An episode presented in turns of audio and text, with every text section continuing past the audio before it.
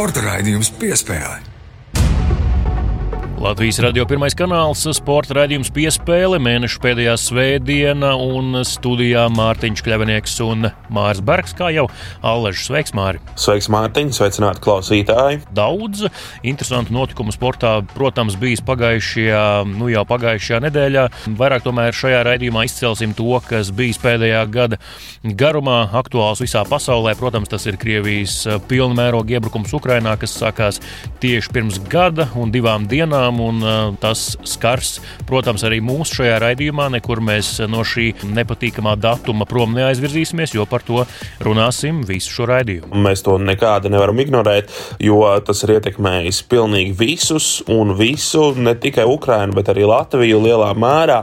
Un, protams, arī neizbēgami šis Krievu uzsāktais karš ir ietekmējis arī sporta pasauli. Tam mēs arī pieskārsimies raidījuma gaitā, bet domāju, ka tagad ir pienācis laiks parunāt par to, kas tad ir noticis laukumos aizvadītajā nedēļā, un uh, laiks mūsu nedēļas topam. Jā, tūlīt arī tam pievērsīsimies. Vien piebildīšu, ka lielajā intervijā šodien ciemosies uh, pagājušā gada labākais uh, pašmājas sporta žurnālists, trīs zvaigžņu balvas laureāts Ilmārs Stūrišs no Latvijas avīzes. Viņš arī nereiz vien publiski stingri paudis savu nostāju un mugurkaulu šajā mm, Ukraiņas kara jautājumā, un par to arī parunāsim, protams, ar viņu intervijā. Bet jā, nu gan ķeramies klāt pie ikdienas ikdienas spilgtāko notikumu topu.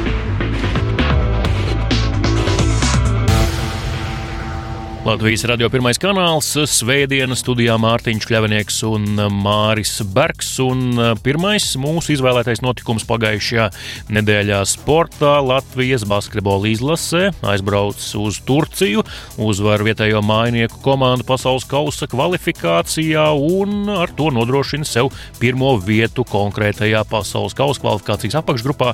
Lai gan ceļazīme uz fināla turnīru bija garantēta jau iepriekš, tomēr katra uzvara ir patīkama un tagad rītdien vēl pēdējais eh, solis eh, šajā ciklā jāuzvar arī Grieķis mājās. Līdz kā šķietami, jā, nekas vairs nav vajadzīgs, ceļa zīme ir, tagad ir jāsāk domāt par to, kas būs augustā un septembrī sākumā, bet katra uzvara ir nosvara pirmkārt, lai veidotu komandas morāli, otrkārt ir tāda lieta kā FIBA reitinga punkti.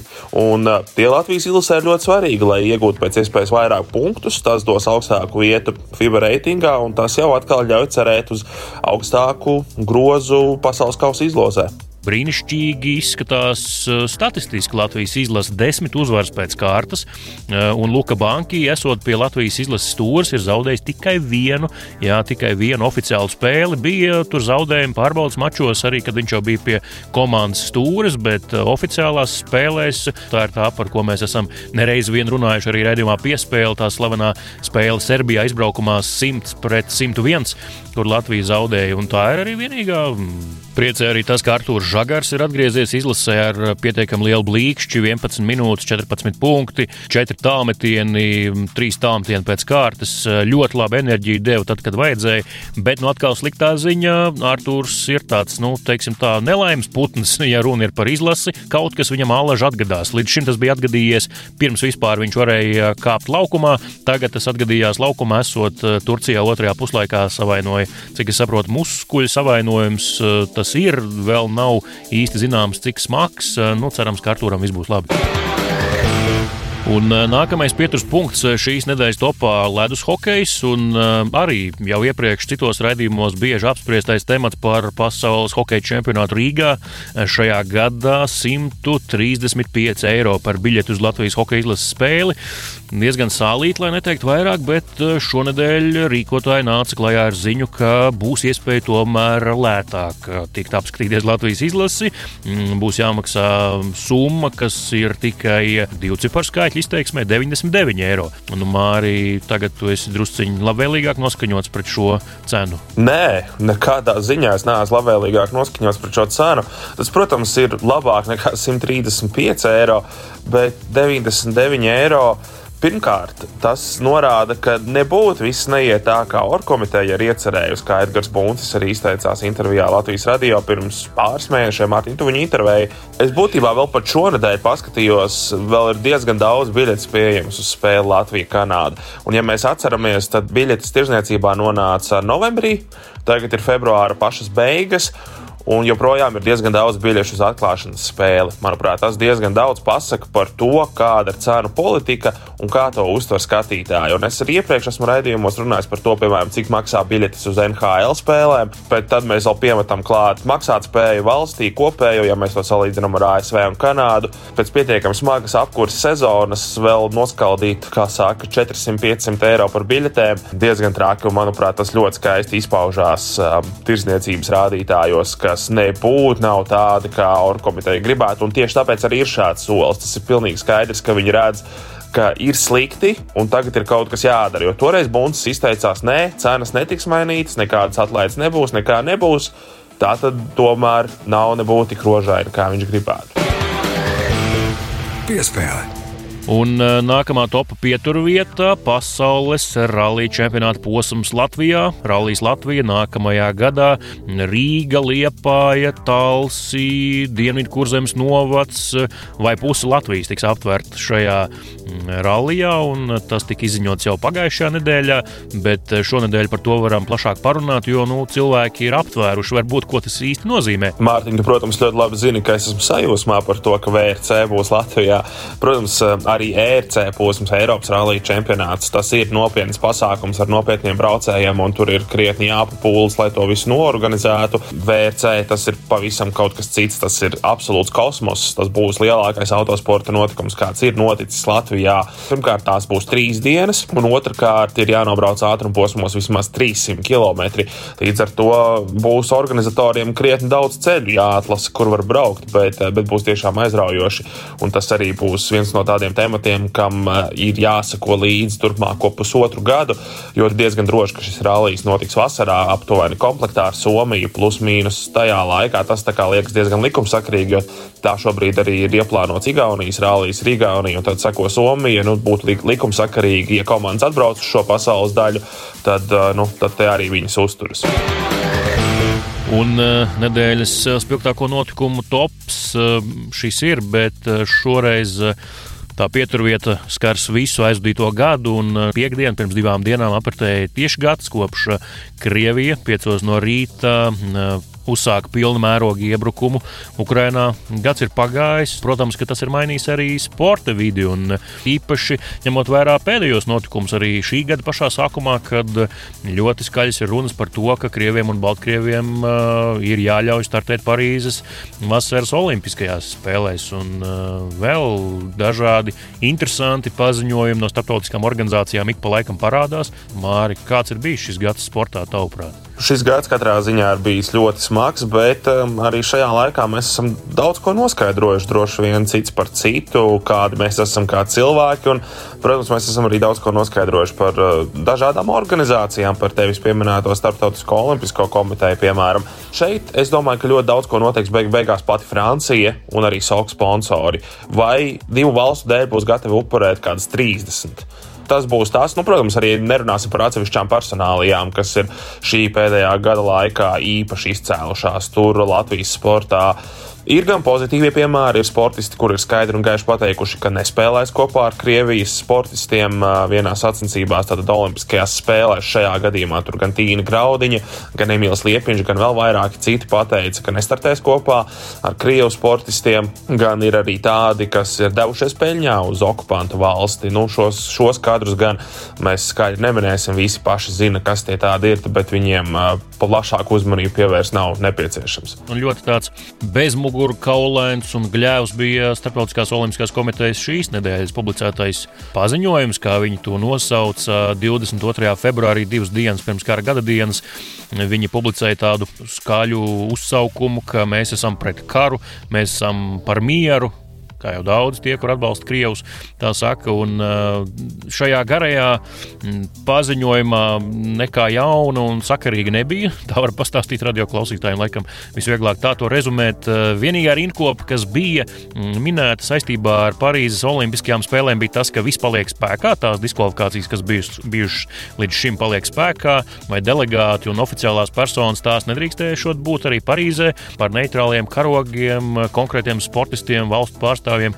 Tur vispār nekas nebija minēts. Arī nekas nebija minēts par to, ka tiek apspriests, ka varbūt Krievi vai Baltkrievija varētu atgriezties. Nu, tādu vispārīgu frāžu piesātināts garš paziņojums, kas beigās nepateica neko. Tas laikam daudz arī pasaka par pašu mm, Starptautisko olimpisko komiteju. Bet jā, nu, tāds tas gads ir bijis, ar tādu mēs dzīvojam un droši vien, ka Nemazumu pārsteigumu nesīs arī šis nākamais, nu jau otrais kargāts. Pietiks to pārsteigumu. Beidzot, būtu laiks mest mieru. Pēdējie trīs gadi jau ir bijuši pilni ar daž, dažādiem pārsteigumiem. Būtu laiks tādam vienam mierīgākam gadam. Nu, ir pienācis laiks, kad Ukrainai arī smagais bruņojums tiek piegādāts, arī tanki sāk ierasties Ukrainā. Tāpēc atliek vien cerēt, ka Ukraina šo karu pabeigs, atgūs savu teritoriālo integritāti. Šis temats vismaz tieši kā aktīvas kara darbības kontekstā būs noslēgts. Tad mēs varēsim runāt par to, kā Krievija kompensēs visu to, ko tā ir sastrādājusi. Māra no tavas mutes dieva ausī. Piespēle. Studijā šoreiz Mārtiņš Kļavnieks. Ikdienas intervijā šoreiz izdomājām eh, kopā ar Gunāru Jākapsonu, ka vienosimies tādā tematiski līdzīgā mm, saiknē. Tas bija tāds brīdis, kad pasaule mainījās pagājušajā gadā, Krievijas eh, pilna mēroga iebrukums Ukrainā.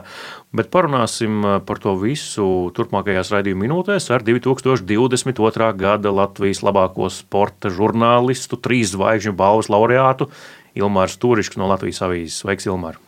Jā, sveiks, Mārtiņ, paldies, ka uzaicināji. Izklausījās tiešām pieteikums, tāds svinīgs, jā, cēls. Nu, kur tad ir tā balviņa? Sekcijā, aiz stikla vai kaut kur kādā goda vietā īpašā novietot? Balva patiesībā ir diezgan smaga uz tāda vienkārša teiksim, plaukti, tāds kāds man mājās šobrīd ir. Tur viņi nemaz tā droši nevar likt. Ir bailes, ka tas plaukts nogāzīsies. Bet līdz ar to ir tāda jā, nu, skapija aiz, aiz stikla. Pa pusē redzams, pa pusē nav redzams. Nu, tā kaut kā. Parunāsim par um, aizvadīto gadu. Milmāra, varbūt, ja mēs tā atskatāmies tagad ne par sportu runājot, bet uh, pirms tam tā cilvēcīgi Kā tu šobrīd atceries, kas pirms gada tajā dienā notika, un varbūt kā tu piecēlies, kā tu to uzzināji, kā tu jūties, kāda tev bija tā diena? Jā, varbūt man uzreiz nāk prātā ne, ne pats 24. Eh, februāris, pat ne tās dienas, kad eh, Krievija paziņoja, ka viņa atzīst Doņetskas un Luhanskas republikas jā, par, par neatkarībām, tā, neatkarīgām, bet um, pat Pekinas olimpiskās spēles, olimpisko spēļu atklāšana, jā, kad jau tobrīd um, jau kādu laiku jau bija tikai tāds nedrošība pasaulē, Ukrainā, ja, kas varētu būt, jo Krievijas karaspēks jau ilgstoši atradās pie robežas tūmā tur un, un, jā, un Pekinas Olimpisko spēļu atklāšana skanēja Džona Lennona Imagine, ja, visi apmēram zinām, atceramies šīs dziesmas vēstījumu, lai būtu miers pasaulē. Simboliski. Un, un, jā, un tad stadionā arī sēdēja viens no līderiem, Putins. Tas man liekas tik lišķīgi, ja, tik, tik, tik tāda dubulta spēle, ka no vienas puses tu esi pasākumā, kur cilvēki nu, tiksim, vēlas mieru, ir par mieru, ir par sacensību sporta laukumā, nevis uh, ar ieročiem rokās. Ja, un, un, un tāpat laikā, ja tu zini, ka tev pēc Tu jau tur esi patiesībā, laikam, cik es saprotu, aizbraucis runāt, ja, kad, kad lai, lai ar kaut kādu Ķīnas akceptu dabūt. Lai, ka sākam pēc tam. Jā. Sākam pēc tam, jā. Nu, nu tā, un 24. februāris droši vien tāpat kā daudziem pamodos no rīta, ieskatījos sociālos tīklos, drausmīgas ainas jau video un, un viss kaut kas no, no, no Ukrainas nu, bija bēdīgi, briesmīgi. Es atceros ļoti spilgti, ka mēs ar tevi sēdējām blakus Latvijas basketbola izlases spēlē pret Beļģiju arēnā Rīgā 28. februārī, četras dienas pēc iebrukuma. Man šķiet, ka mēs arī savā starpā runājām, nu, kas te tagad būs kā, kā pasaule. Tā spēle likās kaut kur tālu fonā. Nu, kā arī daudz sportistu uztver, ka šobrīd, um, ka tajā brīdī sports um, nu, nebija galvenais, par ko runāt pasaulē, bet daudz miljonu ukrāņu, protams, um, nu, palika tur uz vietas, tos starp arī sportisti. Jā, un divas dienas pēc uh, kara sākuma to arī um, sociālā saziņas vietnē Facebook savā profilā um, veici rakst, ierakstīt tādu uzsaukumu angļu valodā, lai saprotu arī citautieši par to, ko tu domā, kā sportisti ir reaģējuši šajā situācijā. Kāds bija tas tavs galvenais vēstījums tagad atceroties? Jā, tev ir taisnība. Ja tad, tad ja karš sākās šie tā bija ceturtdiena, tad sestdienā, brīvajā dienā turpinājām droši vien tāpat kā visi sekot līdzi, kas, kas, kas tad notiek Ukrainā, kādas ir reakcijas pasaulē uz to visu. Un tad es biju tik šausmīgi vīlies par sporta pasauli. Nu, Nu, faktiski nu, nebija, nebija nekā nu, tāda pāris tāda mīksta, ja, nu, par mieru, ja tur pret karu apmēram, bet nu, tie bija tādi, neko neizsakošu uzsaukumu vai izteikumu. Vai, ne, nu, Latvijas teiksim, kontekstā laikam, bija Olimpiskā komiteja. Jā, viņi reaģēja Latvijas uh, basketbola savienība, teiksim, Latvijas kontekstā, tad mēs tas, tas, tas pāris organizācijas ok, noreaģēja. Stingri iestājās, nosodīja Krievijas agresiju, cepuri par to nos, bet pasaules līmenī runājam, Nu, tur nebija gandrīz nekā. Tad es domāju, nu, kā tā var būt. Ja mēs redzam, ka viena 40 miljonu nācija varbūt tiks iznīcināta, pakļauta. Nu, Dievs viņa zina, kas notiks. Ja? Un tad liekas, sporta pasaule, kurai būtu liels svars, tiešām būtu liels svars, bija liels svars, ir liels svars un būs liels svars, kas varētu ar savu vēstījumu teiksim, veicināt nu, kaut kādas šīs agresijas pēc iespējas maksimāli ātrāku apturēšanu, izbeigšanu. Jā, un nebija nekā. Tad apamats tāds jā, ieraksts tajā, tajā, tajā Facebookā. Jā.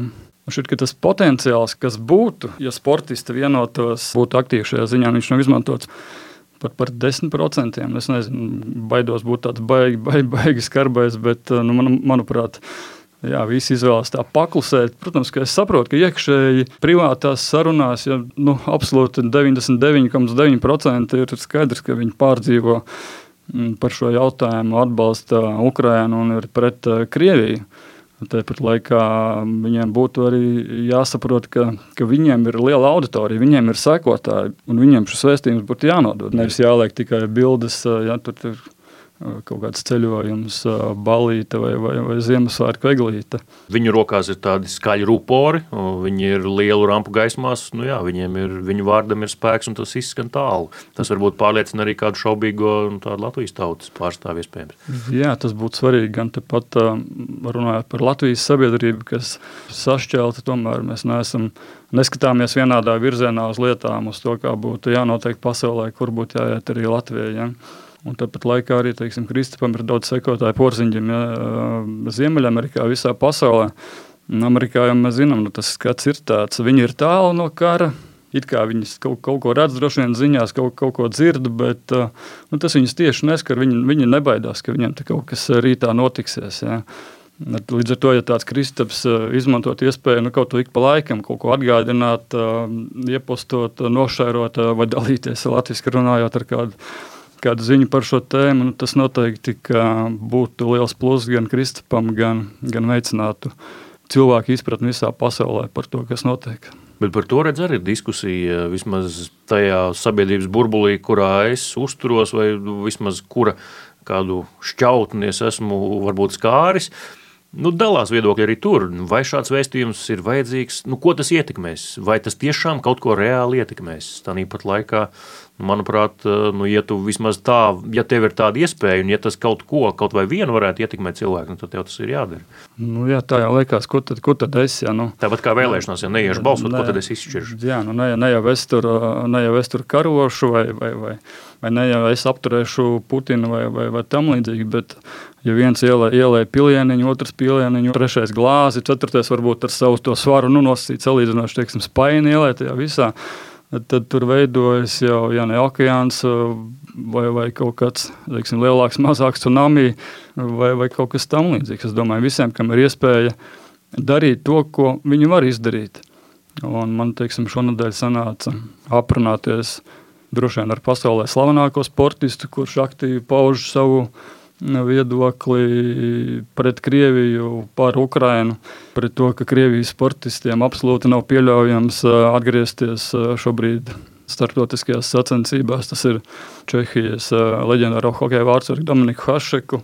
Tas, ko viņš dara, patiesībā izjūt viņa caur viņa sociālajiem tīkliem, bija pārsteigts. Tur ir, nu, ja ne katru dienu vai, vai, vai katru otro dienu, tad vismaz vairāki raksti nedēļā, kur viņš pauž savu konkrētu attieksmi Es domāju, ka viņa, viņa viedoklim ir daudz sekotāju. Tas ir ļoti svarīgi. Tu viņam arī vaicāji, kāpēc viņš to dara?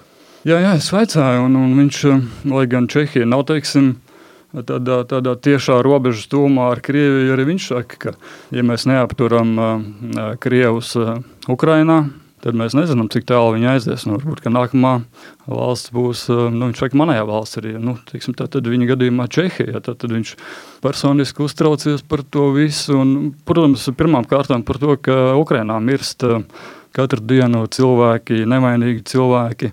Kopumā sporta pasaule, kā tev šķiet, ir reaģējusi tādā organizācijas ziņā? Nu, labi, Wimbledonas tenis turnīrs diezgan priekšzīmīgi, bet uh, arī pēc tam dabūja kārtīgi pērienu no starptautiskajām organizācijām, nebija ne reitinga punktu, turklāt vēl pamatīgi sodu saņēma no šīm organizācijām, ka tā rīkojās pārējiem. Nu, vai nu nebija tam mugurkaula no lieliem turnīriem, vai nu vienkārši kā Austrālija sacīja, viņiem likumi to neļauj darīt.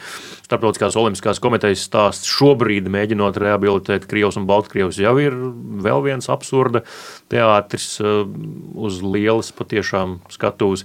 Ko tu teiksi par starptautiskajām organizācijām? Kā tās ir reaģējušas, vai varbūt cik kūtras bijušas? Jo tas, ko tu sacīji arī sarunas sākumā, nu, bija tā, ka sākotnēji visi kaut kā klusēja un gaidīja. Pat uh, tās Ziemas sporta federācijas, varbūt, kurās ir liela latviešu ietekme, viena tāda, piemēram, Latvijas arī vada.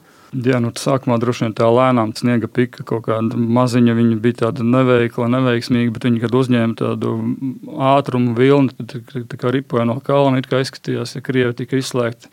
Nu, no gandrīz teiksim, visām sacensībām tur atsevišķi ja, tenis, riteņbraukšana, pāris sporta veidiem, bet nu, globāli tomēr Krieviem, Baltkrieviem tika liekta dalība starptautiskā līmeņa sacensībās. Tas bija ļoti adekvāti, vajadzīgi, nepieciešami. Es domāju, ka cita varianta nebija. Jau teiksim, rudens pusē Startautiskā olimpiskā komiteja sāka kaut kur tādu tā taustīt, ja, ko mēs domājam, varētu atgriezties Krievijas, varbūt kaut kādā atpūtas statusā. Tas sākumā bija starp starptautiskām federācijām. Un tur jau tā aina ir tāda, ja nu, iedomājieties, tur valdēs Pārsvarā ir nu, nu, kaut kas no Eiropas, ja, kaut, kaut, kaut kas no pasaules. Ja, tur viņi nav tik tuvu tam, viņi īsti nesaprot. Militāri konflikti ir daudz, kur pasaulē nu, šis, tas, stāsts, šī retorika. Ja.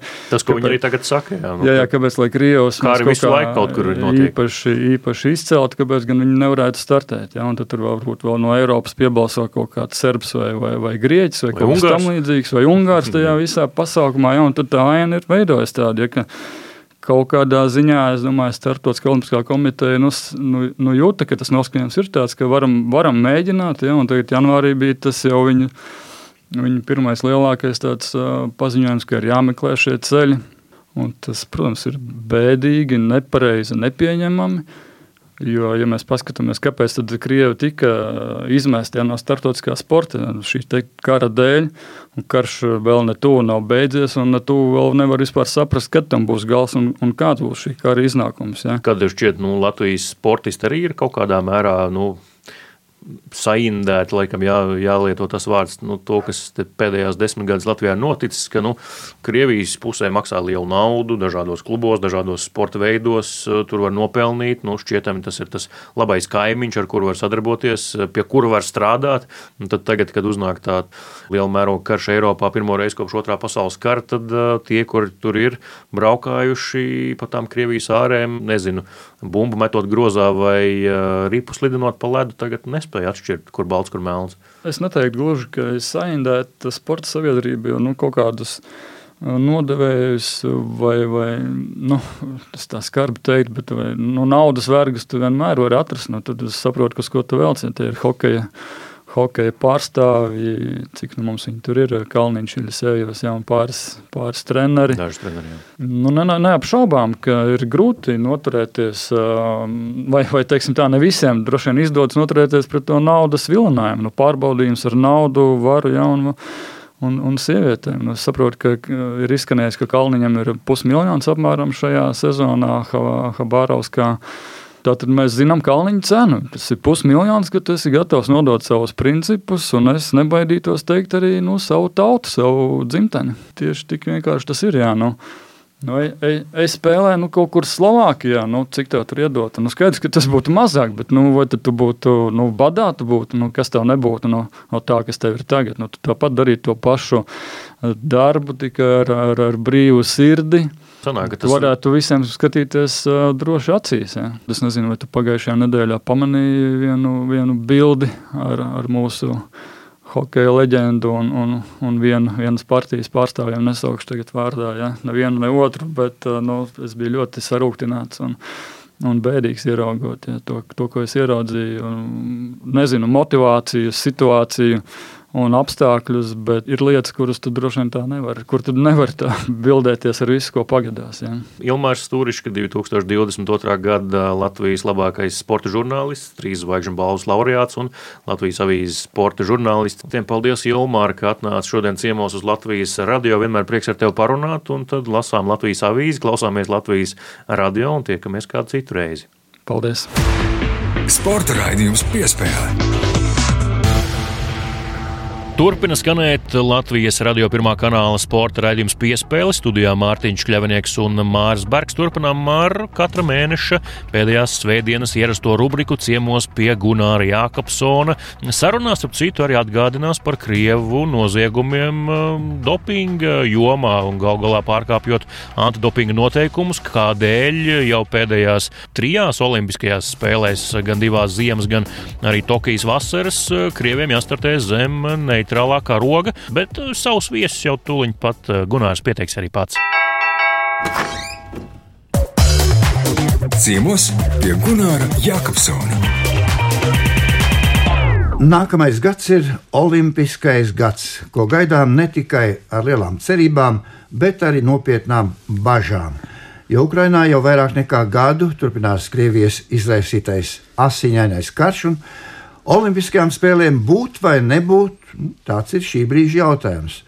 Un vai Parīzē iecerētajās spēlēs varētu piedalīties arī Krievijas un Baltkrievijas sportisti, par ko tiek uh, diskutēts daudzās sporta organizācijās, arī Startautiskajā Olimpiskajā komitejā. Mani ciemiņi šodien ir sporta ārste Lorita Kalniņa Hafraneka. Labdien! Labdien! Mārtiņš Šits, kurš pārstāv disciplināro un antidopinga komisiju. Sakiet, lūdzu, kāds ir jūsu kā sporta cilvēku viedoklis, izvērtējot aktuālo situāciju, arī tās bažas saistībā ar Krievijas un Baltkrievijas, jeb kādu līdzdalību Olimpiskajās spēlēs?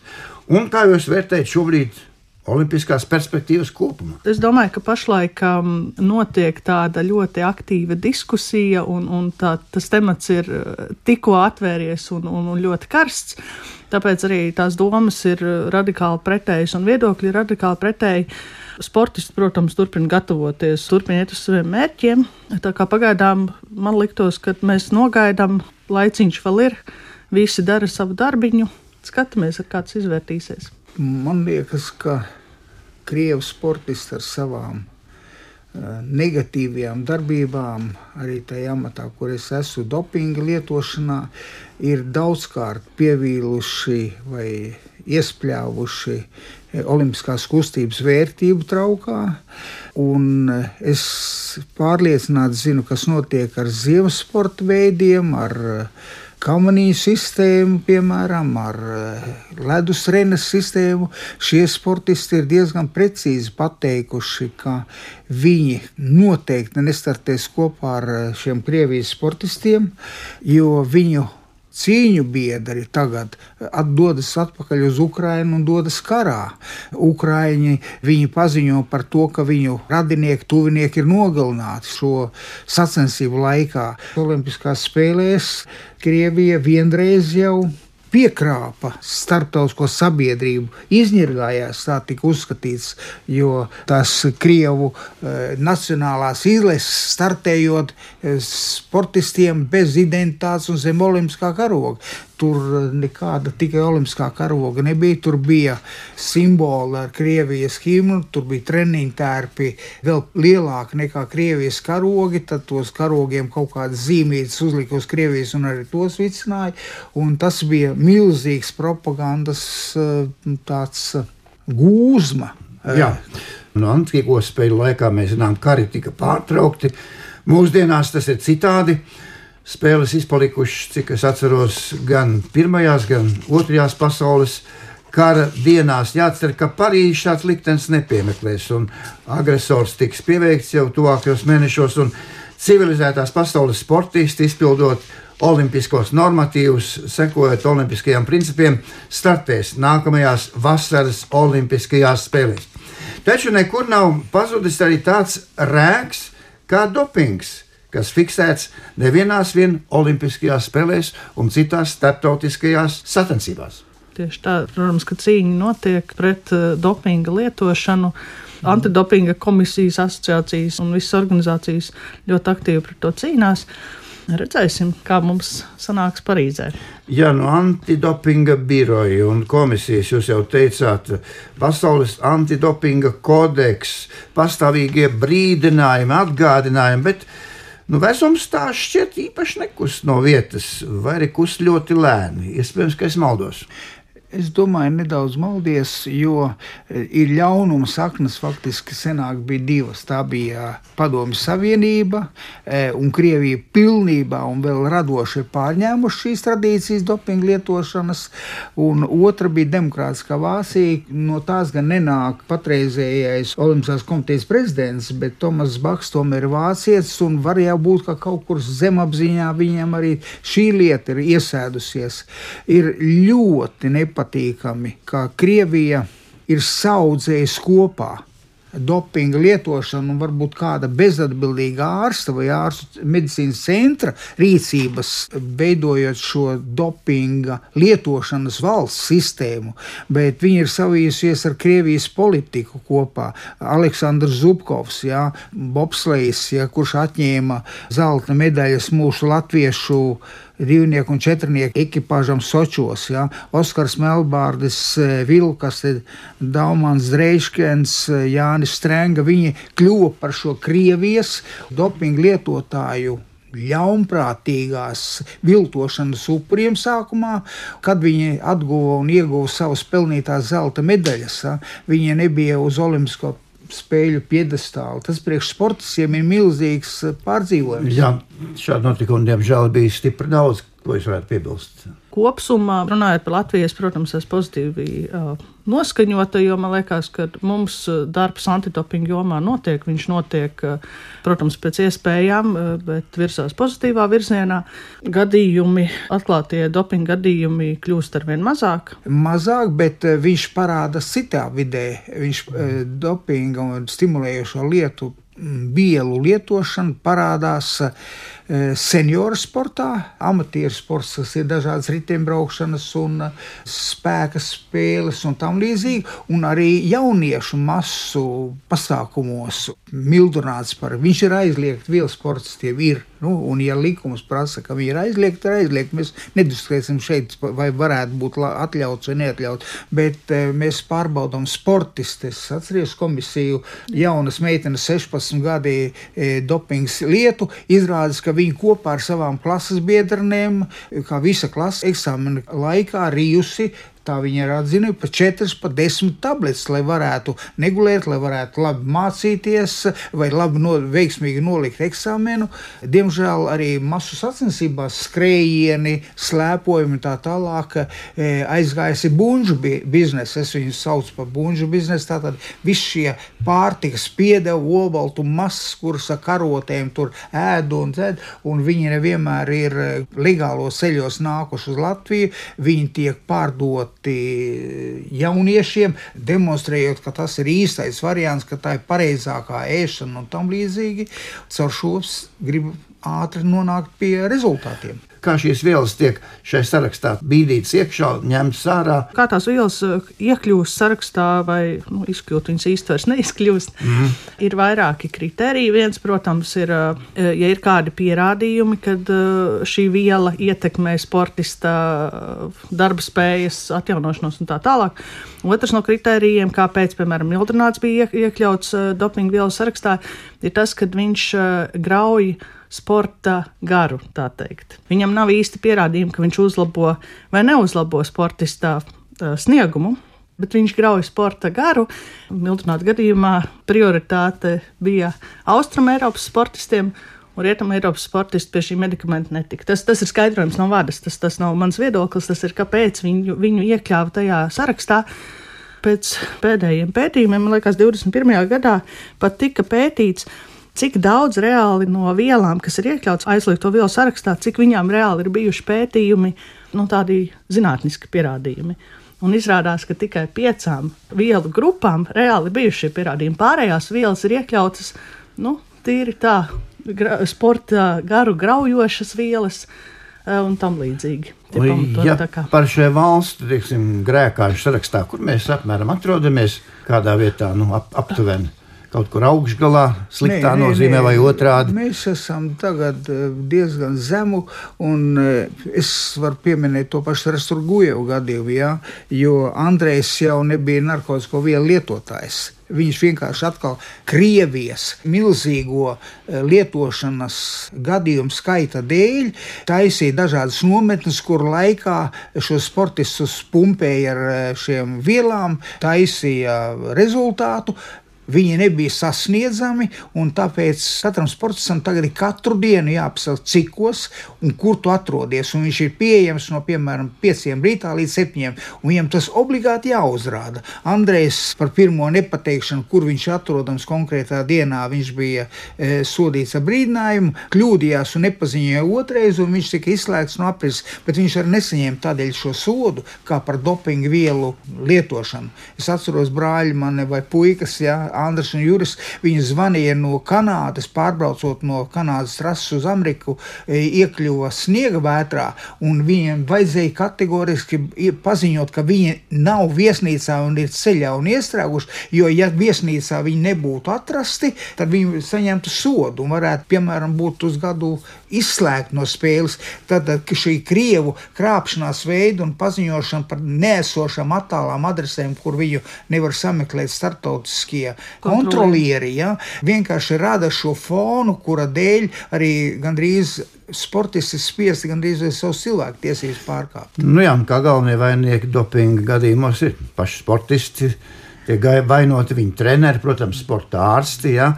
Bet aizliegt to vielu sarakstā ir arī tādas vielas, kas pat nu, bez receptēm nopērkams aptiekās. Tie paši uzturbagātinātāji Kā paredzēt, kādas vielas parādās šajā legālajā tirdzniecībā un cik no tām ir kaitīgas? Antidopinga komiteja ieliek uh, vielas gadu iepriekš, ja nemaldos, Jā. monitorēšanas programmā, kur sportam ir iespēja piekļūt šai informācijai. Viņš var uzzināt, kuras vielas iespējams drīz kļūs aizliegtas. Līdz ar to jā, tas, tas ir viens variants, kā sportists var uzzināt, vai viņš ir atļauts vai aizliegts. Par pašiem uzturbagātinātājiem, diemžēl tā, jā, tā ir sarežģīta tēma antidopinga komisija birojas arī skaidro sportistiem, diemžēl uzturu bagātinātājus nekontrolē mēs nevaram garantēt, ka tas, kas ir uzrakstīts uz buļbuļsaktas, ka tas tiešām arī ir viss, kas tajā buļbuļsakā atrodas.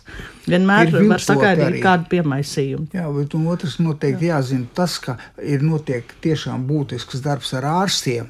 Un eh, tagad e-recepšu sistēmā ir ievadīts katrai vielai, kura ir, ir brīdinājums sarkanais zīmols, nedod sportistiem. Dakteris atverot savu programmu un izrakot recepti man vai Gunāram vai Lalitai vienalga redz šo lietu. Otrs ļoti svarīga lieta ir, ka sportisti ir komisija speciāli. Ja tam sportam tā zāles ar šo vielu ir vajadzīga, tad priekš tam ir terapeitiskās lietošanas komisija. Terapeitiskās lietošanas, un ja uzskata, ka kādam ir vajadzīgs, tad ar ārstu šīs komisijas atļauju viņi drīkstās lietot. Un tas ir paziņots, un tas nav vairs dopinga pārkāpums. Nu, nobeidzot, kāds būtu jūsu vēlējums nu, šeit? cīņā, kas turpinās un turpināsies ar dopingu un dopinga lietotājiem, to radītājiem. Es gribētu novēlēt, lai aizdomu gadījumi, kas bieži vien ir, e, beigtos tā, kā beidzās Latvijas bobslīstiem, ka taisnība uzvar un godīgā sportā ir uzvara tikai, tikai godīga un tā rada to baudu. Jā, nu es laikam arī novēlētu, lai tomēr uzvar patiesais spēks, ātrums, gudrība, nevis kādas mākslīgās vielas. Paldies, ka atnācāt pie manis ciemos uz studiju, lai jums jauks pavasarīgs noskaņojums. Paldies! Paldies jums arī! Svētdiena, sporta raidījums piespēle, Latvijas radio pirmais kanāls, studijā Mārtiņš Kļavnieks un Mārs Bergs. Tāds lūk šīs svētdienas raidījums. Mēs no jums līdz ar to šonadēļ atvadāmies. Paldies, ka klausījāties un tiekamies jau jaunā mēnesī, martā ar jaunām sarunām un jauniem notikumiem. Slavu Ukrainai, slavu varoņiem! Šajā raidījumā tas arī viss uz redzēšanos. Sporta raidījums piespēle.